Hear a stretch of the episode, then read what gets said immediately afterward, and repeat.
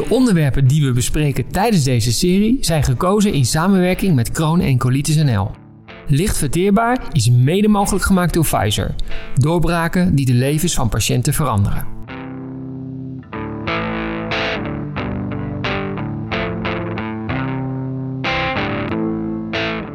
Dus eigenlijk een van onze openingen ook van onze workshop is uh, heb je stress? Gefeliciteerd, dat hebben wij ook. Dat is in feite waar het om gaat. Hè? Dus ken ik mijn stressmomentjes en wat kan ik eraan doen?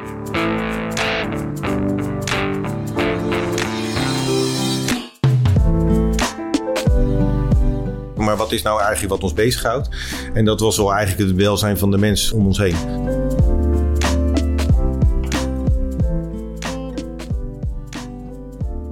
Welkom bij de nieuwe Licht Verteerbaar podcast en heel leuk dat je luistert. Tijdens deze podcast bespreken we onderwerpen die mensen met IBD, zoals de ziekte van Crohn of colitis ulcerosa, en hun behandelaren bezighouden. Mijn naam is Bob Krijnen, ik ben zorginnovator en presentator en samen met Maurice Lutgens, MDL-arts en werkzaam in het Elisabeth II Steden Ziekenhuis te Tilburg, presenteer ik deze serie. Leuk om verder te gaan met deel 2 van deze serie over vermoeidheid en stress bij IBD. En we spreken vandaag met Arthur Zelstra en hij is specialist conflict- en crisisbeheersing van de regio Rijnmond en Ed Nales en Ed is een docent gevaarsbeheersing. Hallo heren, hartelijk welkom. Hallo, dankjewel. Fijn dat we er mogen zijn. Fijn dat jullie hier zijn. Uh, Arthur, we beginnen met jou. Kijken meteen naar jou. Korte introductie voor de luisteraars. Wie ben je? Wat doe je? Wat heb je gedaan? Waar kom je vandaan? En alles wat je wilt delen met ons. Ik ben Arthur Zelza. Uh, ik ben geboren in Leiden. Van alles gedaan eigenlijk in mijn jeugd. En uiteindelijk ben ik beroepsmilitair geworden. Uh, heb ik een um, militaire school ben ik onderofficier geweest. Waarin ik eigenlijk al heb snel geleerd om in moeilijke situaties zeg maar, mijn werk te kunnen doen. Leiding te geven aan mensen. En de opdracht uit te voeren zoals die is beschreven. Daarna ben ik vertrokken naar de politie. Ben ik wijkagent geweest in Moerwijk, best een moeilijke wijk in Den Nederland. Haag. In Den Haag, wie kent het niet van het liedje. Vervolgens ben ik, uh, ben ik coördinator geweest van diezelfde wijkagenten. Heb ik een aantal jaren gedaan, studie tussen daar gedaan, integrale veiligheidskunde. Vervolgens ben ik gevraagd om een team op te zetten met training. En waar ik zelf trainers heb opgeleid en training heb gegeven. Over? over radicalisering, polarisatie en de islam. En dan met name de radicale islam, zo even belangrijk om dat te noemen. Gesolliciteerd in Rotterdam uh, bij conflict- en crisisbeheersing. En eigenlijk zegt het al, ik ben dagdagelijks bezig met adviezen geven en opschaling van ja, mensen eigenlijk, of collega's bij grote conflicten. Maar dat is in de breedste zin. Dus dat is ook bij een voetbalwedstrijd waar veel politie aanwezig moet zijn. Of als er een ramp of een terrorist terroristisch in zou uh, gebeuren, dan zijn wij verantwoordelijk voor het materieel en de mens. Nou, je zit hier tegenover ons en je vertelt dat allemaal heel erg rustig, maar het lijkt mij toch wel een vrij pittige baan uh, als ik het zo uh, Ja. Zo klinkt het, zonder heel veel stress. Dat je dan op een gegeven moment ook wel leert om met stress om te gaan en eigenlijk gewoon de juiste dingen te doen en te besluiten op het moment dat het erom doet. En rustig te blijven. life En rustig te blijven. Ja, en die rust creëer door het overzicht te houden. Nou, hoe je het verder uh, gaat aanpakken met stress en hoe jullie daar en hoe jij daarmee omgaat in de nou, dat scala van interessante werkzaamheden die je uitvoert, daar gaan we zo meer over horen. Onze tweede gast van vandaag zit tegenover ons en dat is eh, Ed Nales. Jij ook natuurlijk hartelijk welkom. Dankjewel. En een beetje te horen aan je accent, kom je ook uit de omgeving Den Haag? Ik kom uit Moerwijk, dus ja, als we dat er toch Kijk, over hebben. Ja, wel, ja, ja, ja, ja. over hebben. Mijn uh, ouders uh, komen daar ook vandaan. Kijk ik ben aan. geboren in Voorburg, dus het is wel een beetje Tilburg-Den Haag vandaag. Maakt niet uit we accepteren dat ook. Dus, val ik als Limburg uit de boot. het is actier. Ed, waar vertel je iets van je over jezelf Ja, een minder spannend verhaal wellicht als Arthur. Een volledig andere achtergrond. Laat ik beginnen met waar ik ooit mijn studie uh, voor sportdocent heb opgepakt op SIOS in Sittard, ooit in het Kijk, zuiden. Daar heb ik uh, toch iets voor jou. Daar heb ik toch iets uh, zuidelijks mee gepikt. Wedstrijd judo gedaan, heel lang. Jong Oranje ook gezeten, vrij snel al. Ik was 12 jaar toen blonk er al aardig uit in die sport. Ik heb uiteindelijk daar ook mijn toekomst in gezocht. De SIOS daar sportinstructeur geworden. Vrij snel in aanraking gekomen via een oud studiemaatje bij het Korps Rotterdam, waar Arthur nu werkt. In eerste instantie dacht ik, nou dat is niet helemaal mijn wereld, want ik had net een eigen sportschool met twee vrienden opgebouwd. Dus ik dacht, daar zit hij voor mij.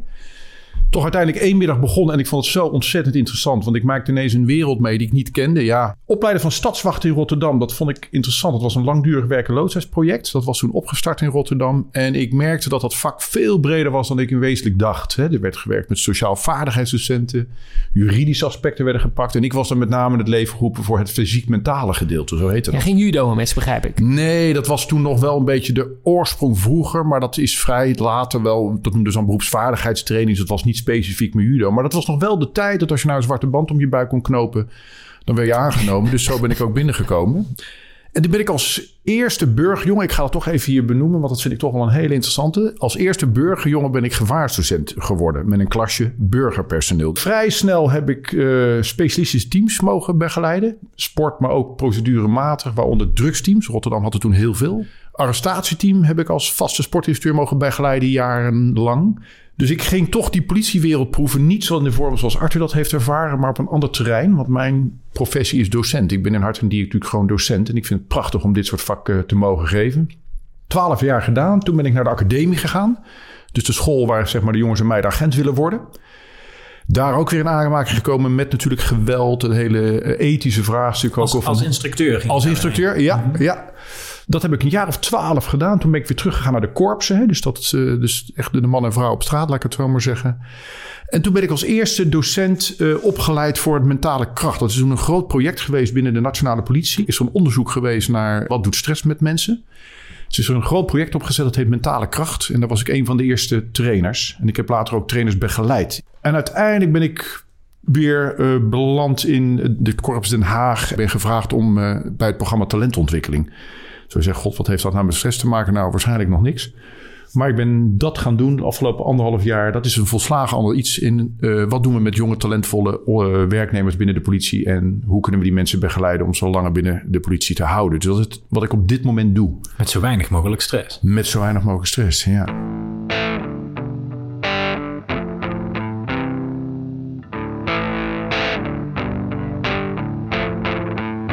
Nou, dat is, eh, klinkt als een eh, zeer interessant eh, gastenpanel die we hier tegenover ons hebben zitten. Maurice, hadden hiervoor Jeroen aan tafel. Die Ja. had het over mensen met IBD, kroon en colitis en vermoeidheid en stress. Jullie hebben het over de politie, vermoeidheid en stress. Er zullen ongetwijfeld ook mensen tussen zitten met IBD, maar ook heel veel mensen zonder Ja, IBD.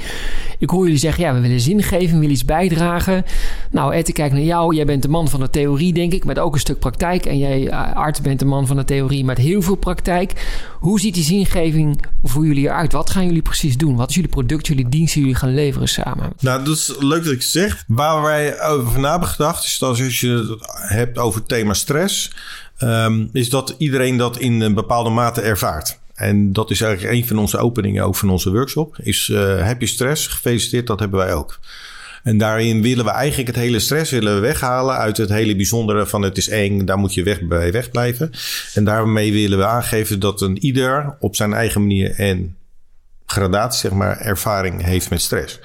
Eh, alleen het stress op zich ervaren is niet een probleem. Het is, gaat er meer om hoe ga je ermee om en wat kun je eraan doen om het te voorkomen of te reduceren. Sterker nog, we willen ook benadrukken dat het gewoon een rete functioneel is. Dus dat hele woord stress, dat krijgt natuurlijk langzamerhand een lading alsof je een soort defect hebt. Maar in feite is stress wat ons op de evolutie gewoon heeft doorgeleerd. Want anders waren we al lang en breed niet rondgelopen. Dus dat woord stress moeten mensen ook eens leren eigenlijk inzien door te zeggen... oké, is dus heel functioneel. Alleen ja, we, we ervaren het dus ook op het moment dat het volledig niet functioneel is. Wat is eh, precies stress? Wat doet het met ons lijf? Wat ik, eh, stress is in feite gewoon een, het Engelse woord voor spanning. Hè? Dus dat is op zich helemaal niks mis mee. Hè? Dus als mensen ook gewoon leren dat, dat is in te zien. Hè? Dat stress gewoon een hele functioneel iets is waarin wij dingen doen die we doen. Hè? Dus je moet presteren, dan is stress dus hartstikke functioneel.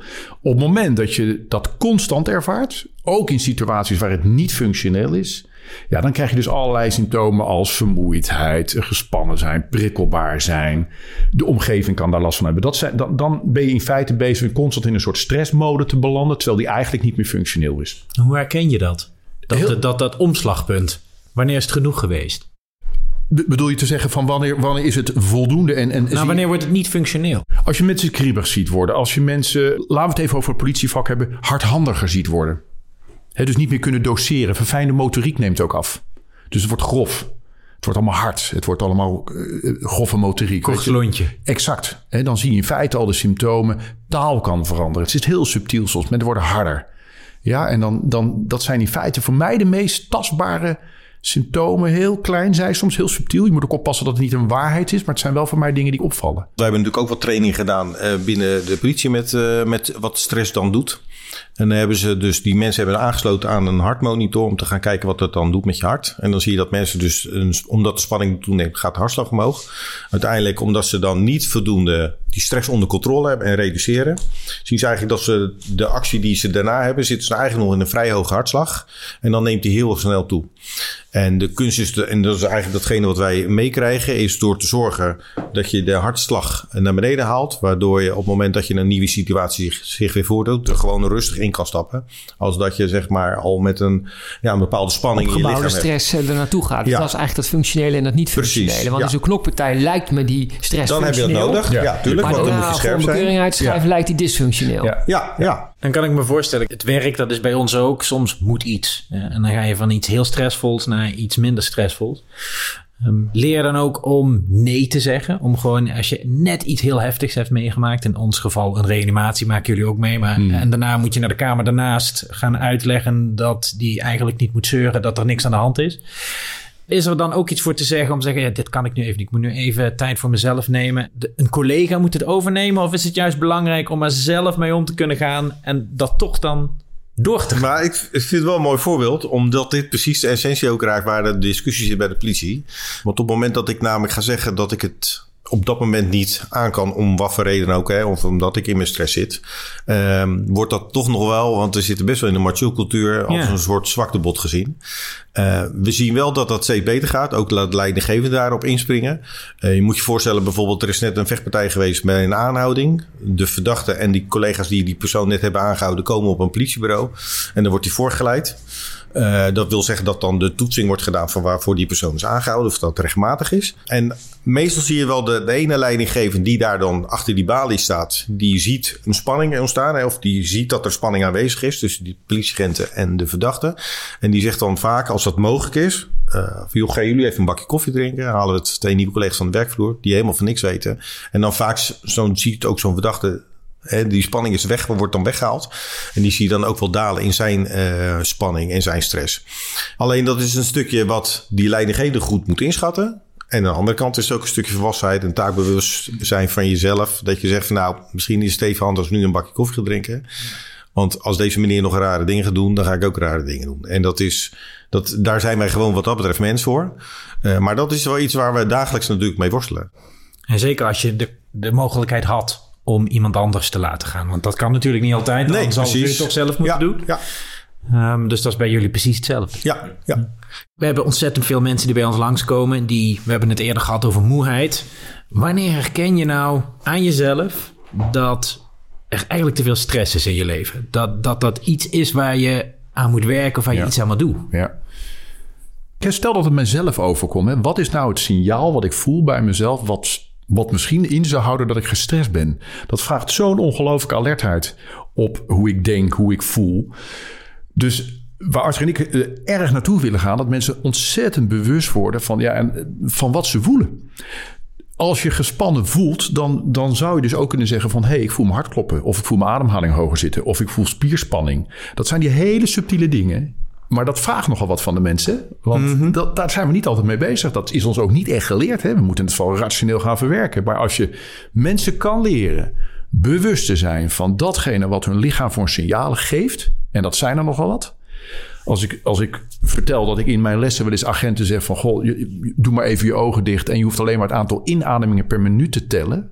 En dan zitten we gewoon in een hele brave setting. Dus we zijn niet in de situatie zoals Arthur net beschreef. Dan zitten er gewoon mensen boven de 20. En dat is hoog. En dat is heel hoog. want hoog, alles ja. boven de 14 is alsof je 25 kilometer tegen de wind in fietst. Maar die mensen zitten op een stoel in een hele brave setting zoals wij hier zitten. Daar zijn ze niet bewust van, ja, dan pas. Nou, hoe mooi zou het niet zijn als mensen eens een aantal keren op een dag dat gewoon is, wij er zelf eens even nagaan. Van, hey, hoe, hoe zit ik er eigenlijk bij? Wat, wat voel ik nou? Wat, hoe zit het met die spanning? Hoe zit het met mijn adem? Hoe zit het met dat ritme? Want hoe doe je dat zelf? Ja, regelmatig op een dag gewoon eens eventjes naar dat moment gaan. Gewoon eens even in een stoel zitten en eens Even eventjes tellen. daar naartoe keren. En daar hoef je helemaal geen, geen boeddhist voor te worden of een monnik voor te zijn. Maar gewoon eens even, dat kan in een vergadering, gewoon eens zitten en gewoon eens luisteren en zeggen... en hoe zit ik in die stoel? En hoe zit het met mijn ademritme? Ik zie je knikken hard. Doe je dat ook? Ja, ehm, ik ben af en toe ben ik operationeel commandant op de afdeling. Dat betekent de dagdagelijkse dingen die binnenkomen. Een casus op straat. Daar moeten wij vanuit onze afdeling moeten op acteren. Dat betekent dat ik dan die dag, dat ben ik toevallig morgen ook, maar dan ben ik verantwoordelijk voor de dagzaak, zeg maar. Eh, dan kan er een casus voorkomen dat je denkt van, wow, nou moeten we even aan de bak. Of nou moet ik dingen aan. En dan, dat zijn wel de momenten dat ik dan even voor mezelf een stukje rust creëer. Dat ik even bij mezelf voel, oké, ik moet nu aan de bak ga ik eerst even, even nadenken, wat ga ik nu doen? En wat moet wordt er nu van mij verwacht? Daarin creëer ik zelf rust. Ik ben ook bezig met mijn hart, uh, mijn ademhaling, zeg maar. Uh, maar dat zijn wel de dingen die ik toepas. Ik merk ook dat het werkt. Als ik een train moet geven, als ik, als ik voor een groep mensen sta... of ik, uh, nou, ik ben ook muzikant, dus ik moet spelen... dan voel ik een bepaalde spanning dan is dat een, ook een vorm van stress. Alleen die is niet, die overmand mij niet. Die, die legt mij niet lam. Of die, die, die doet niet allerlei rare uh, dingen met mijn lichaam of met mijzelf. Maar die erken ik dan. Dan voel ik ook mijn hartslag omhoog gaan. Dan denk ik, oh, dat vind ik dit spannend. Oké, ik moet dus nu aan de slag doe ik een ademhalingstechniek waardoor die zakt. En dan kan ik ook weer even, nou, kan ik weer even rustig nadenken over datgene wat ik moet gaan doen. Maar ben je dus, hiermee geboren? Want, of heb jij je dit zelf aangeleerd? Hoe doe je nee, dat? Nee, nee, dat, dat is echt wel iets wat ik heb aangeleerd gekregen, zeg maar. Dat is niet van nature. Maar denk ik door, door de, de, de, de manier van werken. Uh, ik heb ook al bij mijn defensietijd ben ik echt onder spanning ook gezet. Dat wordt dan ook in de opleiding gedaan. Hè. Dan word je geboeid, word je in een zwembad ingegooid. Moet je even gaan zwemmen. Nou, dat doet even wat met je. Mm -hmm. Je krijgt best wel even stress. Dan wil je toch even ademhalen. Maar dan moet je even voor vechten, zeg maar. Uh, en dat is allemaal onder controle. Hè? Dus denk nou niet gelijk dat ik de man van Atlantis ben. Dat ik zomaar onder water kan zwemmen. Zo, dat allemaal niet. Daar lag je dan uh, onderaan het zwembad, hè? Ja. Nou ja, dan word je erin gegooid. En dan moet je er zelf naar boven komen. En dan moet je natuurlijk een bepaald... Maar dat is een soort overlevingsstrategie. Dus in die zin ben ik wel een aantal keren daarmee blootgesteld. Om te gaan kijken wat er dan met je gebeurt. En dan heb ik echt wel bij mezelf ook sterk ervaren. Dat ik dacht, jee, ik ga nu echt, hè, fijne motoriek, dat gaat allemaal niet meer. Inderdaad, wat Ed ook beschrijft. Uh, en door dat een paar keer te ervaren, kan ik me dus nu ook wel aanvoelen. Van denk, oh wacht, ik voel nu ook die spanning bij mezelf komen. Ik moet een training geven. Uh, en ook al zitten daar kinderen of er zitten volwassen mensen, ik moet iets gaan vertellen. Er wordt van mij iets verwacht. Dat is heel normaal. Ik weet waar het over gaat. Maar toch voel ik een bepaalde spanning. En ik doe een ademhalingstechniek. Ik denk, bam, we gaan ervoor.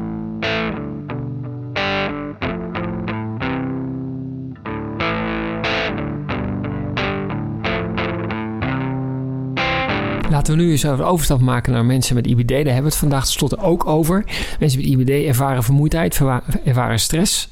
Wat zou je deze mensen kunnen leren om om te gaan met hun uh, stress? Ed?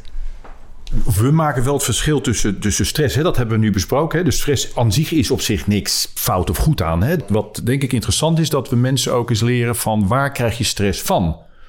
Dat noemen we stressoren, want die zijn in feite zeg maar, de katalysator van die spanning. Dus op het moment dat jij naar een ziekenhuis moet voor een, voor een bepaalde uitslag die je krijgt, uh, die heel spannend kan zijn, dan kan ik me voorstellen dat dat een, stressor is. Iets waar je zorgen over kan maken, waar je slechts misschien slecht, slechts van slaapt. Om die ook gewoon heel goed in kaart te brengen van wat zijn de dingen waar ik door gespannen raak.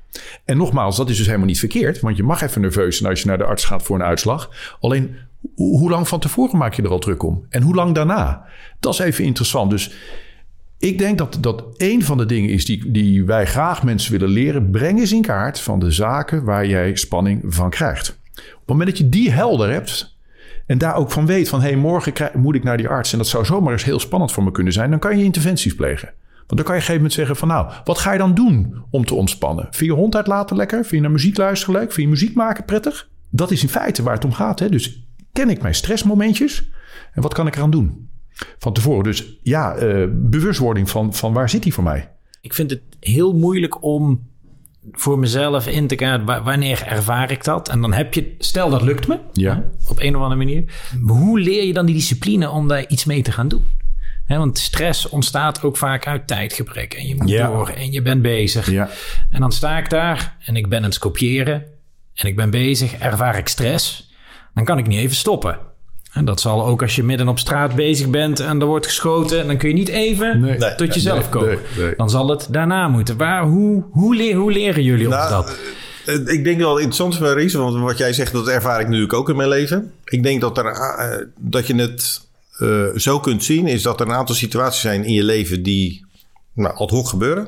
Daar moet je op dat moment moet je gelijk bam, moet je op reageren. En dan hoop je ook nog dat je de juiste beslissing maakt. Ik denk ook als je naar je leven kijkt met alle dingen die we moeten. Hè. Tegenwoordig moeten we ook heel veel. We hebben kinderen die moeten naar de Ja. hockey, weet ik het. Nou, noem het allemaal maar op. Maar daar, dat zijn wel in mijn beleving de dingen die een soort van gepland zijn. En daar kan je op van tevoren al op eh, anticiperen, op, op, op voorkomen dat je stress raakt. Ik, ik heb het zelf een term in die, bij Defensie geleerd. Dat heet als je hard werkt, heb je veel pauze. Wat we daarmee wilden aangeven, en die passen we nog steeds toe, ook met mijn kinderen en met mijn, eh, met mijn vriendinnetje. Is dat als je zorgt dat je op vakantie gaat en je hebt je voor zaken voor elkaar, dat je een paar dagen van tevoren al wat pakt. Dan ga je veel rustiger die vakantie op. Als dat je het laatste moment gaat pakken. Want dan creëer je stress. En ik denk dat als mensen daar meer bewust worden. dan kun je heel veel stressmomenten in je leven al ja, wegstrepen. of verminderen, zeg maar, reduceren. Dus dat zou een interventie zijn, kun je doen. En wat ik, wat ik ook wel heb geleerd is. op het moment dat er een situatie voordoet.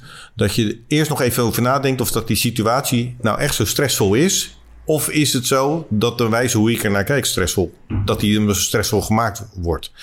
En als je dan dat vertaalt naar een ziekte of, naar allerlei klachten die je hebt, zou denk ik daar ook wel een, een stukje winst in kunnen zijn voor een patiënt of voor iemand die iets mankeert. Om nou echt te kijken, nou is er nou echt iets aan de hand? Of zijn er een aantal stappen die in mijn leven die ik niet juist maak, in de juiste volgorde wellicht, juist hoeveelheid, waardoor ik allerlei klachten kan krijgen.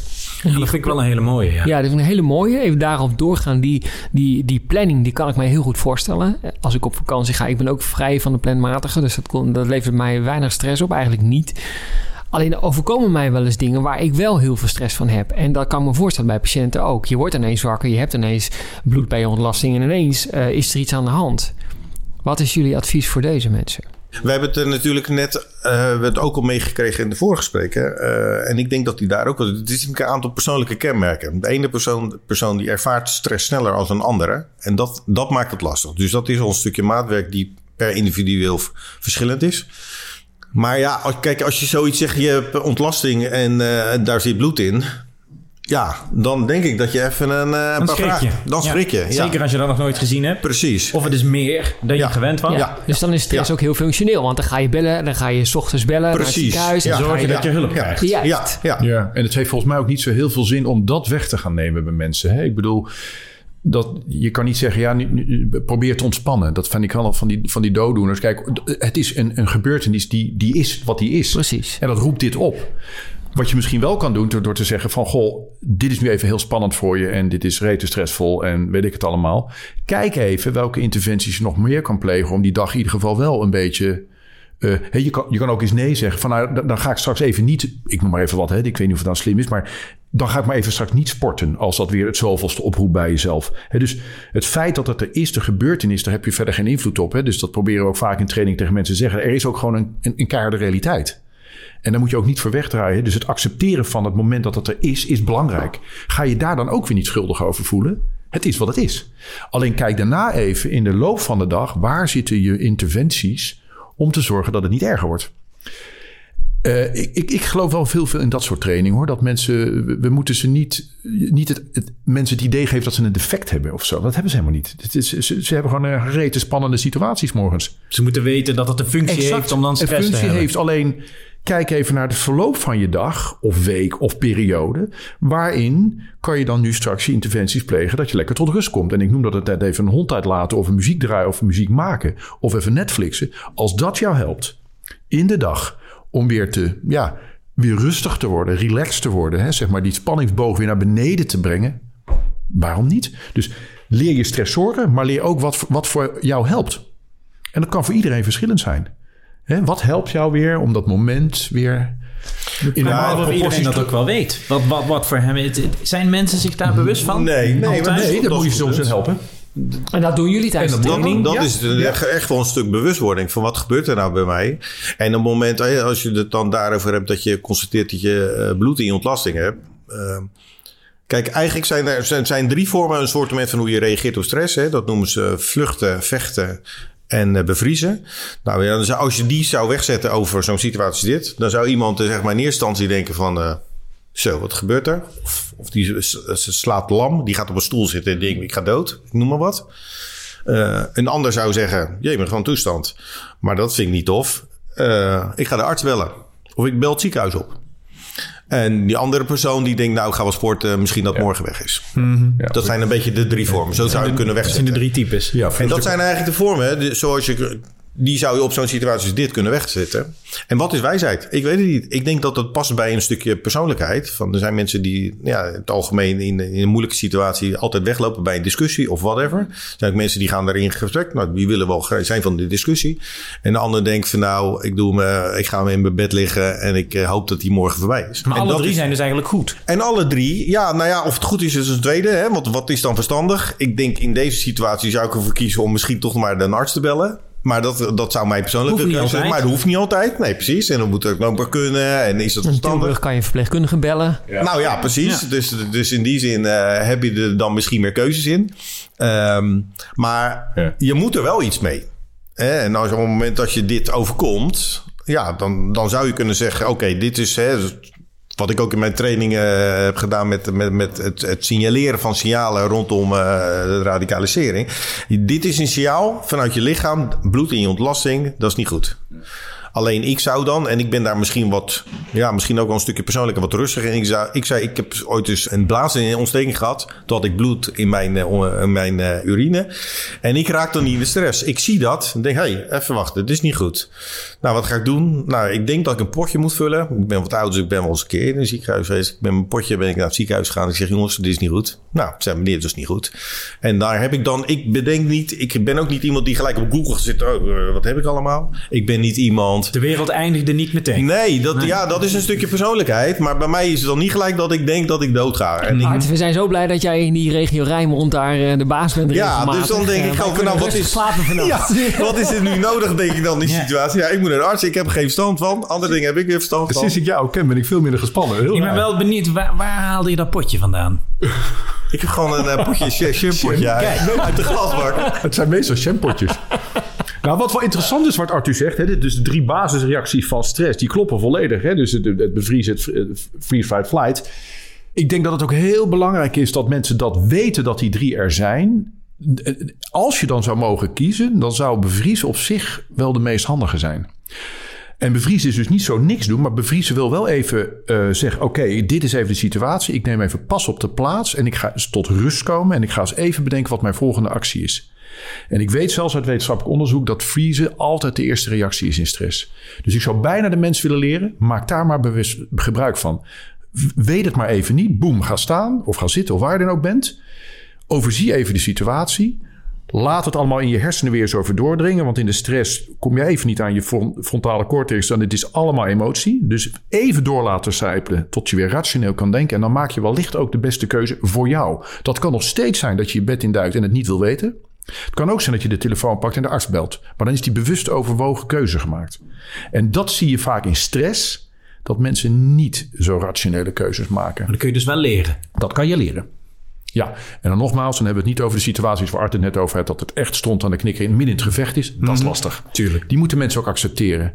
Maar in al die andere situaties waar wij het over hebben, komen niet in de situatie zo levend bedreigend zoals Arthur die ervaart. Dus deze mensen kunnen we leren even pas op de plaats. Hè, Dat zou mooi zijn. Als ze vooraf dat ze bij jullie op de poli komen, nog even een ademhalingstechniek op, maar door ze rustiger ook waarschijnlijk het beter het verhaal voor jullie aan kunnen horen. Ja. In de wachtkamer. En, en wellicht al eh, beter ook ermee om kunnen gaan. Ik zie hier een integratie tussen politie en eh, medische wetenschap eh, tot stand komen. En ik denk dat we hiermee, Maurice, tot een einde zijn gekomen aan deze podcast Licht Verteerbaar. Over vermoeidheid en stress. We danken onze gasten Arthur Zelstra en Ed Nalus. Graag gedaan. En natuurlijk ook aan Jordan, die hier eh, met steeds groter wordende snor de techniek en de editing eh, doet. Dank ook aan onze luisteraars voor het luisteren naar deze podcast. En wil je meer informatie over IBD? Kijk dan eens op www.pfizer.nl slash IBD. Voor nu, tot ziens en hartelijk bedankt voor het luisteren. Tot ziens. Hoi. De onderwerpen die we bespreken tijdens deze serie zijn gekozen in samenwerking met Kroon en Colitis NL. Licht verteerbaar is mede mogelijk gemaakt door Pfizer. Doorbraken die de levens van patiënten veranderen.